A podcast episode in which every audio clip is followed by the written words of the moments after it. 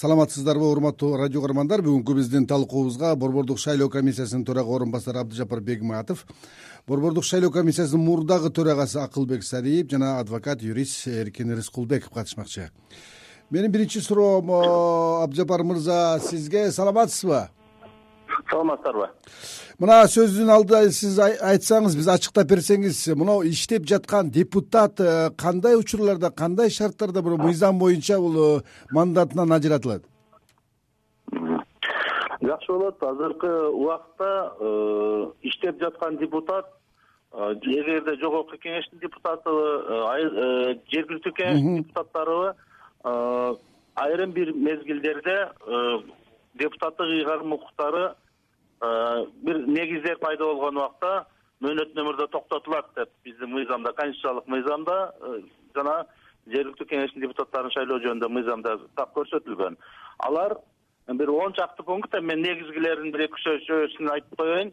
Э, эгерде депутат өзү арыз жазса депутаттык ыйгарым укуктарын токтотуу боюнча же болбосо шаардык кеңештин депутаты жана жогорку кеңештин депутаты фракциядан чыгуу жөнүндө арыз жазса андан башка каза болгондо э, соттун э, айыптоочу өкүмү күчүнө кирген убакта жана бир э, ушундай бир негиз бар. Жарандуулуктан чыкканда же болбосо башка мамлекеттин жарандуулугун алган учурда деген ушундай ченем бар. Ошол ченемдер пайда болгон убакта ошол депутаттын ыйгарым укуктарын мөөнөттүү өмүрдө токтотконго негиз табылат. Ошондо тиешелүү аймактык шайлоо комиссиясы же болбосо борбордук шайлоо комиссиясы ошол негиздер пайда болгон убакыттан баштап э, өзүнүн жыйынында карап тиешелүү чечим кабыл алыш керек. Абдыжапар мырза мына э, сот жараяндары ушул жарандуулукка байланыштуучу ушул депутат иштеп жаткан мезгилде гана козголот да ушул жүрөт да. Эмне үчүн ушул депутат э, шайлоого талапкер болуп катталып жаткан учурда бир тактап жарандуулугун тактап койгонго болбойт эми э, бул э, физикалык түрдө э, мындай мүмкүн эмес болсо керек. Себеби биздин жарандарыбыз жер жер жүзүндө бир эки жүзгө жакын мамлекет болсо анын баарынан биздин мамлекеттин жарандары көпчүлүк мамлекеттерде ошол миграция жумуш менен окуп иштеп ушундай болуп жүрүшөт. Алардын баардыгынан алганга мүмкүн эмес. Анан кийин өзү э, мыйзам боюнча башка мамлекеттин жарандуулугун алганга эч бир э, эгерде ошол мамлекеттин мыйзамы э, жол бере турган болсо ал алганга эч кимге тыюу жок. Бирок ушул мамлекеттик же муниципалдык кызматка келген убакта гана ошол тиги башка мамлекеттин жарандуулугу болсо ал мамлекеттин жарандуулугунан чыгып коюп анан кийин биздин кыргыз республикасынын ушул мамлекеттик муниципалдык же болбосо э, жогорку э, саясий кызматтарды ээлегенге дагы укук бар абдыжапар мырза дагы биз менен байланышта болуп туруңуз сизге дагы суроолорубуз болот. Акылбек мырза мына жогорку кеңешке шайлообу президенттик э, шайлообу деги негизги бир талапкерлердин ортосунда бир күрөштүн бир темасы ушул жарандуулук маселеси дайыма көтөрүлүп келатат да. Сиз айтсаңыз бул көрүнүштөрдө чындап эле бир мыйзамдуулуктун бир э, маңызы негизи барбы же бул жарандуулук маселеси бул саясий өңүттөн бир чайкоочулук негизде көтөрүлүп калабы? Кандай негиз өзү неги негизи жогоруда айтып кеткендер мыйзамдын талаптарында бүгүнкү күндөгү мыйзамдар боюнча жогорку кеңештин депутатына талапкер жана кийинки депутат тууралуу кош жарандык боюнча такталган конституциядан баштап мыйзамга чейин. Ал эми жергиликтүү кеңештин депутаттары боюнча кичине эки ача пикир бар. Мыйзамда ал жерде талк көрсөтүлбөй калган карамагычылыктар көп. Бирок мен азыр абдыжапар капырович айткан тартипти тактап кетейин деп атам ал киши айтып атпайбы. Азыркы убакта таянганы ошол эле жогорку кеңештин депутаттарын шайлоо жөнүндөгү мыйзам жергиликтүү кеңештин депутаттары жөнүндө шайлоо жөнүндө мыйзамга таянып чечебиз деп атат. Бирок эске салып кетчү нерсе менимче мындай да. Бул э, шайлоо мыйзамдары шайлоо убагында гана колдончу мыйзамдар. Анын башында биринчи беренеде так көрсөтүлүп атат. Кайсыл убакта бул мыйзамдарды колдонуш керек деп. Андан сырткары эске сала кетчү нерсе э, бир нече мыйзамдар бар бул иштеп жаткан депутаттардын э, ошол статусун же болбосо башка иштөө шарттарын мындайча тескөөчү.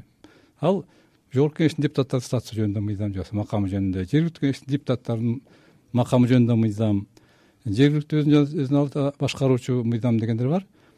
Э, мен айтайын деген себебим мындай да булар депутат болуп келди. Эми жарандыктары эгер убагында табылбай калган болсо бул өтүп кеткен нерсе баягы орусча айтканда закон обратной силы не имеет деп коет?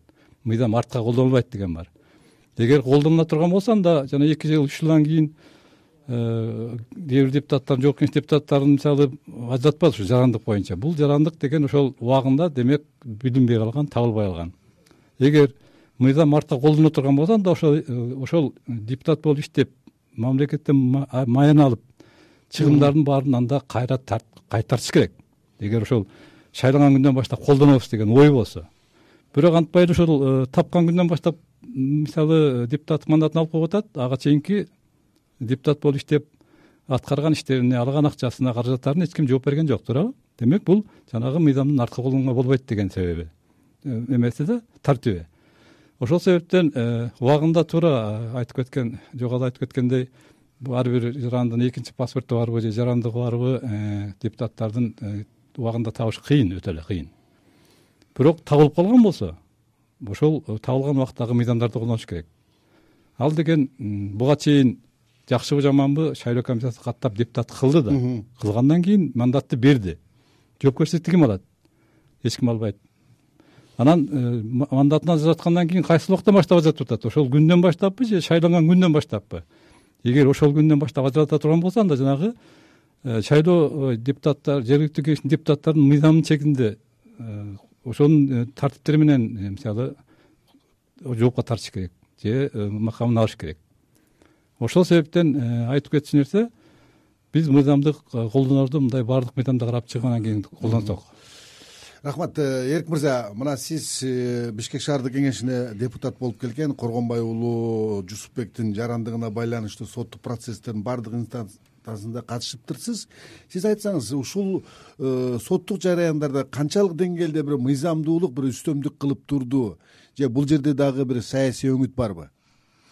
Эми э, бул жерде айтып кетишпедиби? Э, жогорку кеңештин депутаттары башка жаранды алса болобу болбойбу деп. Бул жерде э, башкы мыйзамыбызда так чек коюлган.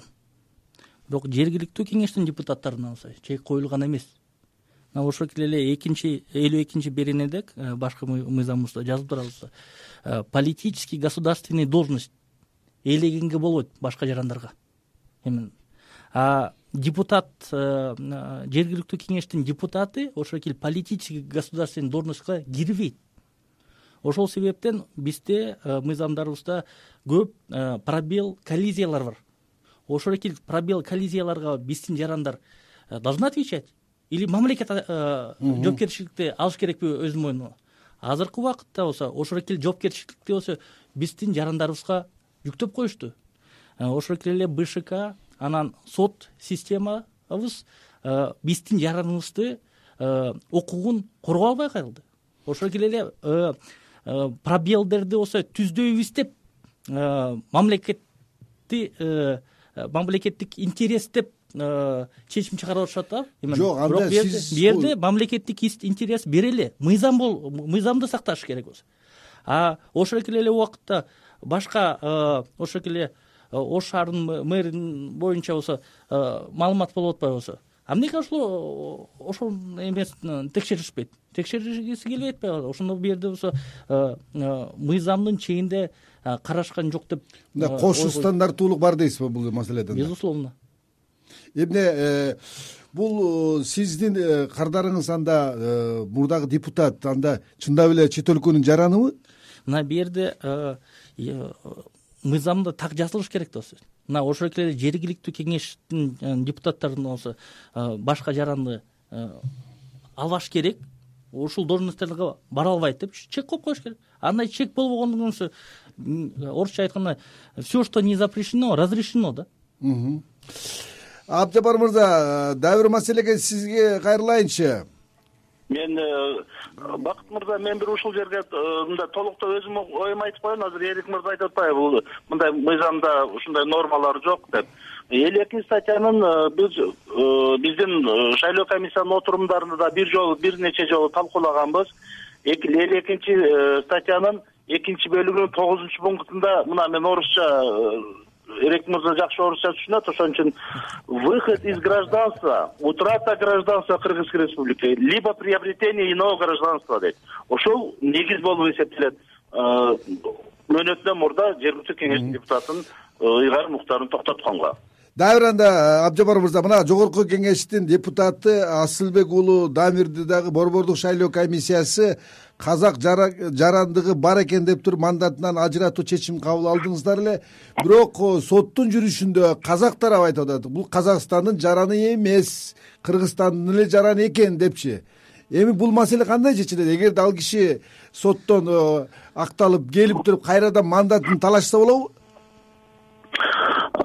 биз ошол маселени караардын алдында казак тарап бул биздин эсиңиздерде болсо массалык маалымат каражаттарында анан биздин күч структуралардагы ошол кармалгандан кийин кылмыш кылган кыргызстандын жаранын кыргызстанга бергиле кыргызстанда э, кыргызстандын мыйзамдары аркылуу биз аны териштирели деген убакта казак тарап бул биздин жараныбыз казак республикасынын жараны болуп эсептелет деп официалдуу бизге документтерди берген бул биринчиси. Экинчиси бул э, дамирбек асылбек уулу Э, эки жолу мурда э, биринчи алса кийин эки миң тогузунчу жылы кайра ал документтерин жаңыртканы боюнча бизге документтердин оригинал документтер келген. Ошон үчүн биз аны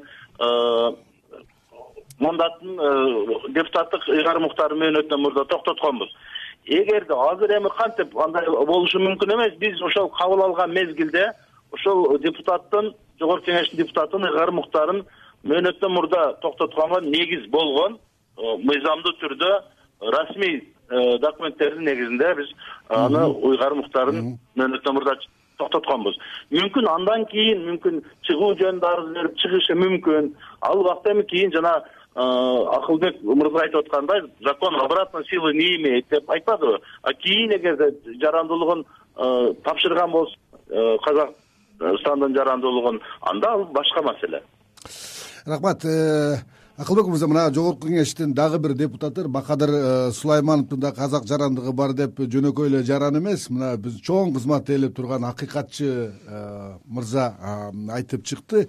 Анын тагдыры эмне болду? Бул чын бышыгын качан билебиз бизчи же мындай эле бир акыйлашып айтылган деңгээлинде эле калып калабы? Же бул жерде дагы бир саясий боек барбы эми мен интернетке чыккан материалдар боюнча эле айтайын. Интернетке көп материал чыкты бул боюнча Э, жана жарандыгы бар же жок деп э, копияларын берип чыгарды эми атып бизде жаңы технологиялар катуу иштеп атпайбы. Эртең эле бүгүн эмне сүрөткө тарасаң эртең интернетке чыгып. Ошол ошол жердеги маалыматтар боюнча менин түшүнгөнүм боюнча бул он төртүнчү жылкы документтерди колдонуп маселе көтөрүшкөн да. Ошол эле азыркы акыйкатчы мурдагы акыйкатчы эмес эле э, бирок ошол боюнча жаңы мындай документтер келген эмес окшойт ошол себептен токтоп калды болуш керек менимче. Себеби ал он төртүнчү жылкы документтерди карасак эми ал жерде менин таң калганым э, казакстандын бир э, мисалы ички иштер э, органдарынын кыргызстандагы дуңгандар бир кандайдыр шайлоо органына берген расмий кат экен да. Эми мисалы бул жерден мен билгенден кыргызстанда дуңгандар өздөрүнүн арасында бир шайлоо органдар түзүп алышы мүмкүн бирок расмий орган болушу мүмкүн эмес ал жерден. Анан ошол башка чет мамлекеттин расмий мындай өкүлү кандайча ушул кыргызстандагы бир коомдук уюмга маалымат бериши мүмкүн. Бул э, өзүнөн өзү суроо жаратат. Э, себеби ал жерде эч кандай адреси да жок экен э, каяка жиберген жөн эле мындай атап коюптур. Бир дуңгандардын эми бул өзү документтин өзү күбөн санаган документ экен. Ошол себептен бул документти жетишtirишке алып да кереги жок болчу. Анткени биринчиден ошол расмий алган ошол органдын статусун такташ керек эмне максат менен анда бул иш жасалып атат? Мындай кадамдар эмне үчүн жасалат анда? Бул эми саясий оюн саясий оюн да. Саясий оюн баягы кызыкчылыктар ар тарап э, бирин бирин э, балким кандайдыр себептер менен э, жолун тосгусу келеби же башкача мамиле кылса керек. Бул эми мен билгенден он төртүнчү жылы бшк дагы текшерген муну ал жерден дагы токтоп калган аны эч ким билген жок. Кийин быйыл былтыр да кайра көтөрдү бирок кайра токтоп калды. Эми аны э, абдыжапар бекматов жакшы айтат болуш керек расмий анткени бул кишилер өзү иштеп аткандан кийин мен бул жерден айта албайт экен так мен бир дагы бир өңүткө бургум келип атат. Сөздүчү эркин мырза айтсаңыз монобу депутаттан сырткары дагы чет өлкөлүк жарандардын башка өлкөдө мамлекеттик башка кызматтарды ээлеп турушу боюнча. Мына башканы коюңуз кмш мамлекеттеринде украинада грузияда арменияда башка өлкөнүн жарандары келип жогорку бийлик даражадагы кызматтарды ээлеп атышат да. Кыргызстанда да ошондой болушу мүмкүнбү? Эгерде ага мыйзамдык жол барбы?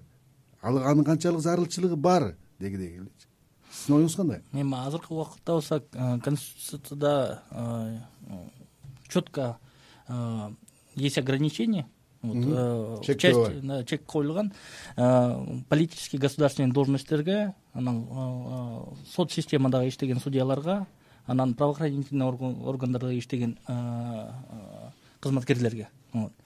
Мындан тышкары башка чек башка кызматтарга чек коюлган эмес. Жок мындай айта кетиш керек. Мыйзамдардын ар бир мыйзамдын өзүндө жазылып калат кээ бирлерде жана акыйкат жөнүндө мыйзамдын өзүнчө э, э, чек коюлган э, жана башка көп мыйзамдарда жарандык боюнча чек бар. Эми ал конституцияда жок бирок ар бир мыйзамдын өз тармагында баягы мыйзам кабыл атканда ошого карап мыйзамчылар ошого чек кийет да жарандуу боюнча эми мына жапжаңы маалымат мына түштүк кореянын жараны өзбекстандын саламаттык сактоо министринин орун басары германиянын жараны өзбекстандын инновациялык өнүгүү министринин орун басары болуп президент өзбекстандын президенти өзүнүн жарлыгы менен дайындап атат да. Бул канчалык э, мына мамлекеттин кызыкчылыгы үчүн бизде кыргызстанда ушундай мүмкүнчүлүктөрдү беришибиз керекпи деги эле эми бул биринчиден э, кандай негизде айтылышы мүмкүн эгер пайда алып келе алабы же болбосо бир кыргызстандын өнүгүшүнө жардам бере алабы деген сөз. Мындай карап келгенде жаран чын эле бир жаран э, өтө эле маанилүү маселе кылышы мүмкүн эмес. Себеби биз андан көп мындай купуя сырдуу тармактарды биз чет мамлекеттик э, мындай юридикалык жактарга берип коюп атпайбызбы ошол эле азыркы коопсуздук мисалы шаар деп бүгүнкү актуальный тема. Же паспортду жасоо боюнча биздин расмий документтердин баарын ошол чет өлкөлүк юридикалык жактар жасайт ал жерде бир эле эмес ал жерде бир нече жүздөгөн кишилер иштейт туурабы? Демек биздин маалыматтар алардын колунан өтүп атат. Анан э, ал жагынан караганда бир кишинин келип мамлекеттин башына туруп башкарып жардам бериши мындай караганда зыяндуу алып келбеске алып келбейт деген ой туудурушу мүмкүн да. э, ну бирок мыйзам жазылып калгандан кийин эми аны эч ким жокко чыгара албайт. Э, демек эгер өзбекстанда сиз айткандай андайга жол берсе балким алардын биринчиси экинчиси э, эгер президенттин укугу чындап эле аябай жогору болсо балким өзү жоопкерчиликти алып өзү баягы милдетин мойнуна алып дайындагандыр.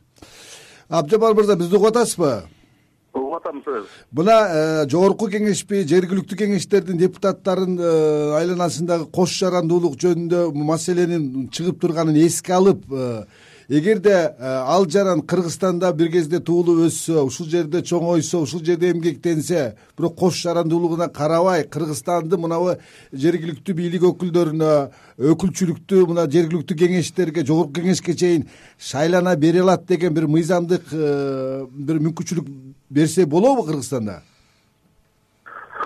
Эми мен жана сөзүмдүн башында айтканмын э, мындай башка мамлекеттин биздин кыргызстандын э, мыйзамдарына жараша башка мамлекеттердин э, жарандуулугун алганга бир мындай бир тоскоолдук жок деп. Эгерде ал мамлекеттин тиешелүү мыйзамдык талаптарын аткарып жарандуулугун алса мындай чектөө жок.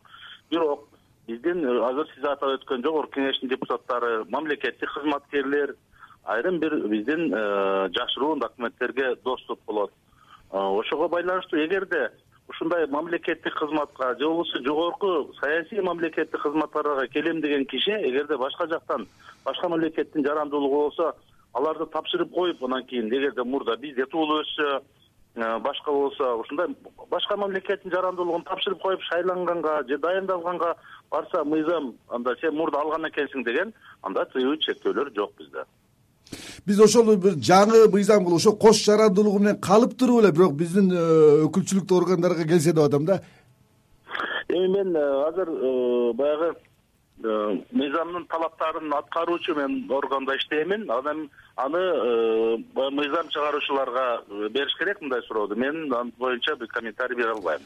Эрик мырза мына э, бул жогорку саясий орган же болбосо тиги депутаттар жөнүндө кеп кылып атабыз. Мына э, кыргыз темир жолу э, ишканасынын жетекчисинин кеңешчиси казак жаран экен деп туруп парламенттин деңгээлинде сөз болду да демек ушундай деңгээлдеги дагы бир чет элдик жарандар менен биз иштеше алганга аларга бир мүмкүнчүлүк бергенге алардын потенциалын пайдаланганга жол бербей жатабызбы? Мунун кесепети эмне болушу мүмкүн? Бул жерде бизде мыйзам бар. О статусе иностранных граждан кыргызской республики мыйзамда жазылып турат что иностранные граждане пользуются теми же правами э, что и наши граждане.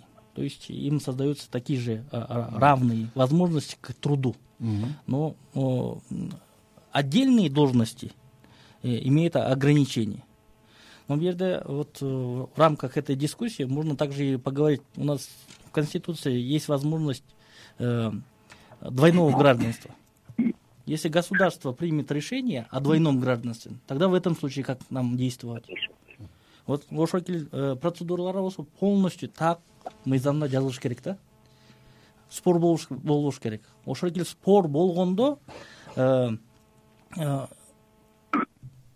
должны защищаться интересы граждан в первую очередь рахмат э, урматтуу эксперттер урматтуу радио көрөрмандар бүгүн биз депутат кандай учурларда мандатынан кол жууйт чет өлкө жарандыгын жүйө тартуу мыйзам ченемдүү көрүнүшпү же саясий күрөштүн куралы болуп жатабы деген темалардын тегерегинде кеп кылдык. Бүгүнкү биздин талкуубузга борбордук шайлоо комиссиясынын төрага орун басары абдыжапар бегматов борбордук шайлоо комиссиясынын мурдагы төрагасы акылбек сариев жана адвокат юрист эркин рыскулбеков катышты. Берүүнү мен бакыт орунбеков алып бардым.